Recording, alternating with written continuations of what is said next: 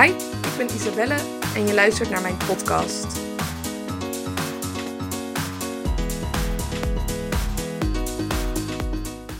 Ik lig hier alleen op het dakterras in uh, Thailand. En ik dacht, ik ga even een uh, podcast opnemen. Ik was gisteren aan het lopen op straat. En uh, ik uh, zat na te denken over hoe kan het nou dat sommige mensen het zo lastig vinden om alle ballen bij wijze van spreken hoog te houden. En dat het andere mensen heel makkelijk afgaat. En wat ik vaak coaches hoor zeggen van... joh, dan moet je wat ballen laten vallen... en dan kan je de andere bijvoorbeeld hoger houden. En het is, um, het is heel dubbel. Dus ik maak hier een soort van brainstorm sessie van. Omdat ik niet echt een hele duidelijke mening erin heb. Maar wel een, een bepaalde mening. Omdat ik bij mezelf wel merk dat ik ook een heleboel ballen hoog kan houden. Zolang het ook ballen zijn die ik hoog wil houden. En als ik ook kijk naar bijvoorbeeld uh, afgelopen jaren, heb ik een heleboel gedaan. En als ik dan kijk naar de tijd en de tijd waarin andere mensen dingen doen, ik denk zo, dat uh, is meer dan gemiddeld. En als je gaat kijken naar prestatie op elk los vlak, uh, kan je altijd bijvoorbeeld de belcurve erbij houden. En laatst heb ik een heel interessant artikel gelezen van Mark Ronson. En dat ging ook over de belcurve en waarom niet iedereen bovengemiddeld hoeft te presteren, omdat niet iedereen bovengemiddeld kan presteren. Je hebt de belcurve en het is een, uh, een grafiek, je kan het even googlen als je het interessant vindt. En dat geeft eigenlijk de normaalverdeling aan. En de meeste mensen presteren nu eenmaal gemiddeld. En een deel presteert natuurlijk ondergemiddeld en een deel presteert bovengemiddeld. En er is maar een heel klein deel die uitzonderlijk presteert. En het is heel lastig om daarbij te horen. En dat is ook logisch, want als iedereen erbij zou horen, dan zou de hele belcurve gaan verschuiven. En dan zou er een nieuw gemiddelde komen. En dat zie je bijvoorbeeld hè, in de sport. Dat vroeger was uh, een, een maal onder vier minuten rennen was bijna onmogelijk. Ja, tegenwoordig is dat bijna de standaard. Uh, net zoals in het powerliften was 200 kilo deadlift voor een vrouw was echt wel een ding. Nou ja, tegenwoordig uh, zijn er veel meer mensen die het doen. Dus dan verschuift gewoon de, de belcurve. En dat zie je dan ook heel duidelijk bijvoorbeeld in de sport. Maar ook op heel veel andere gebieden. En um, het is ook een beetje de vraag van... Hè, wat is voor jou dan succesvol? Wanneer is de bal voor jou hoog genoeg? Is dat op het moment dat uh, je bij de allerbeste hoort? Of is dat op het moment dat het voor jou oké is? Bijvoorbeeld in het powerliften merkte ik bij mezelf dat ik graag bij de beste wilde horen. En op die manier een maatstaf had van succes. Maar op andere vlakken, um, bijvoorbeeld met mijn studie, ik hoefde niet bij de allerbeste te horen van mijn studie. Ik vond dat simpelweg het afronden van mijn studie al uh, voor mij voldoende was. En dat was voor mij al dan een bal die ik hoog hield, die op die manier voor mij oké was. En ik op die manier ook hoog wist te houden, omdat ik die niet super hoog hoefde te gooien, bij wijze van spreken. En daarnaast besefte ik me ook gewoon heel goed dat als je universiteit doet, dat je dan al bovengemiddeld aan het presteren bent. Dus dat ik daarin ook niet heel ambitieus hoef te zijn als in cum laude of nog hoger uh, ga afstuderen. En als ik dat had gewild, dan had ik dat wel gekund. Alleen had ik dan keuzes moeten maken. En die keuzes was ik niet bereid om te maken. Want ik wilde niet um, minder gaan sporten. Ik wilde er graag naast blijven werken. Ik wilde daarnaast graag tijd spenderen met vrienden en familie. Dus het was voor mij ook een hele bewuste keuze. Dus uh, die bal hield ik hoog. Alleen bewust niet te hoog zodat uh, bijvoorbeeld de powerliften dan uh, niet zou komen te vallen. En ook als ik kijk naar werk, ik heb naast mijn studie altijd wel parttime gewerkt. Minimaal 20 uur in de week, soms uh, nog wel meer. En ik weet dat ik daar een uitzondering in ben. En dat komt ook omdat ik een bepaalde keuze heb gemaakt. Namelijk om geen lid te worden bij een studentenvereniging en niet een aantal keren in de week dus te gaan drinken ik ging liever in die tijd dan werken en uh, geld sparen. Of uh, het spenderen aan mijn huisje en gezond eten en dingen die voor mij belangrijk waren. En daarom wil ik ook even komen op het punt van wat is voor jou belangrijk. Voor mij was het niet belangrijk om uh, een hele grote vriendengroep bijvoorbeeld te hebben. Ik had liever dan een paar echt goede vrienden dan een hele grote vriendengroep. En dat maakt de belcurve weer lastig, omdat bepaalde dingen niet te meten zijn als het gaat om wat voor jou belangrijk is. Dus stel dat je het aantal vrienden zou meten die je hebt, um, dan zou je er een belkeur van kunnen maken. Bijvoorbeeld met Instagram volgers of met Facebook vrienden. Maar ja, zijn dat dan echte vrienden? En wanneer noem je het een echte vriend? Dus het is heel lastig om dat te meten.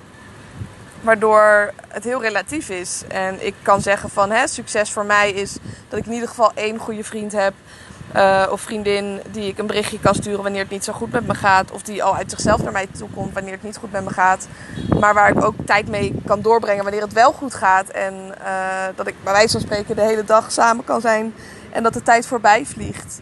En als ik dat als maatstaf gebruik, ben ik mega succesvol. Want ik heb meer dan één zo'n persoon in mijn leven. Alleen voor anderen is er misschien een andere maatstaf voor. En iedereen heeft bepaalde maatstaven om succes te meten op verschillende gebieden. En ik ben van mening dat je pas echt succesvol kan zijn als je het op alle gebieden voor elkaar hebt.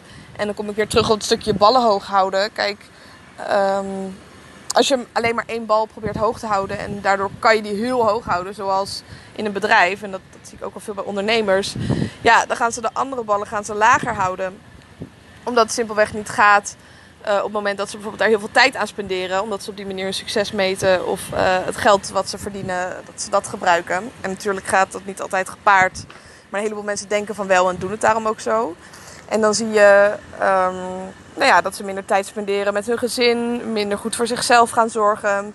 En dan zou ik die mensen niet per se zelf succesvol noemen, omdat ik succes uh, op allerlei gebieden meet. En pas als je dat hebt, uh, dat je dan echt succesvol wordt. Dus dat is bijvoorbeeld hè, goed voor jezelf zorgen, uh, een sociaal leven hebben, ook voor je bedrijf zorgen natuurlijk, um, persoonlijke ontwikkeling blijven doen. Uh, van allerlei dingen die voor mij een rol spelen uh, in succes. En dat mag iedereen natuurlijk voor zichzelf bepalen. Misschien is het voor jou helemaal niet belangrijk om uh, bijvoorbeeld, ja, roep maar het gek, goed voor jezelf te zorgen. En dat ben ik het natuurlijk niet helemaal mee eens, omdat ik het heel belangrijk vind om goed voor jezelf te zorgen. Omdat de consequenties daarvan heel sterk zijn als je het niet doet. Maar misschien is sport voor jou iets minder belangrijk. En is voor jou al succes als je één keer in de week bijvoorbeeld gaat squashen met vrienden. Uh, en voor mij is het als ik drie keer in de week train, dat hoort bij mij, voor, bij, mij bij goed voor mezelf zorgen en uh, sporten. En het fijne met succes is dat iedereen dat gewoon zelf kan bepalen. Dus je kan zelf gaan brainstormen van wat is voor, voor mij succes? Wat betekent dat? Is dat een bepaald bedrag wat ik op mijn bankrekening heb? Is dat een aantal mensen die ik om me heen heb verzameld? Is dat hoe ik me voel? Hoe kan je dat voor jezelf meetbaar maken en op die manier gaan naleven om succesvol te worden als je dat wil?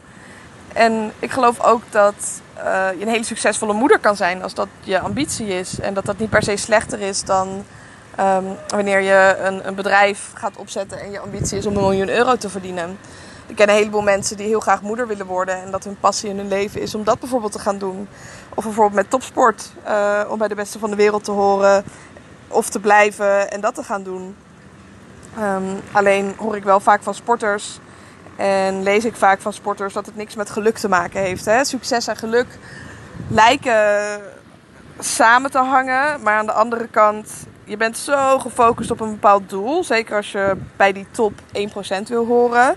Dat het vaak ook helemaal niet over gaat wat je blij maakt. Maar meer wat is er nodig om je doel te halen. En op het moment dat je je doel hebt gehaald, dan ben je natuurlijk wel even gelukkig. Uh, maar ook in het powerliften bijvoorbeeld bij mezelf. Dat ik merkte van joh ik word heel gelukkig van uitgaan. En ik hoef er niet per se veel te drinken, maar het dansen vind ik geweldig. En het zijn met de mensen die belangrijk voor me zijn. En van tevoren dan met hen tijd doorbrengen en kletsen. Alleen op het moment dat er een grote wedstrijd aankomt, dan uh, is dat niet helemaal meer aan de orde. Dus dan maak je niet meer keuzes op basis van waar je gelukkig van wordt. Op korte termijn bijvoorbeeld, maar meer op basis van wat er nodig is om je doel op langere termijn te behalen. En je weet nog niet of je daar echt gelukkig van wordt en dat intense geluksgevoel gaat ervaren. Maar het is wel een soort uh, mijlpaal in je leven. Dus dat is een beetje mijn, mijn mening, brainstorm sessie over het hooghouden van ballen. Uh, het maken van keuzes, uh, het nadenken over succes. En ik wil je uitdagen om voor jezelf ook te gaan bedenken van hè, wat is succes voor mij? Wat zijn uh, maatstaven die ik voor mezelf daarin wil aanhouden? Welke ballen wil ik hoog houden en welke ballen wil ik laten vallen? Of welke ballen wil ik wat hoger gaan houden? En uh, ik hoop dat het waardevol voor je was. En uh, ik wens je een hele fijne dag. Bedankt voor het luisteren naar mijn podcast. Ik hoop dat ik je even power heb kunnen geven. En een inzicht dat je denkt, damn, nu kan ik weer even gaan. Vergeet me niet te volgen op Instagram, isabellelift. Of mijn site even te bezoeken, isabelleveteris.com.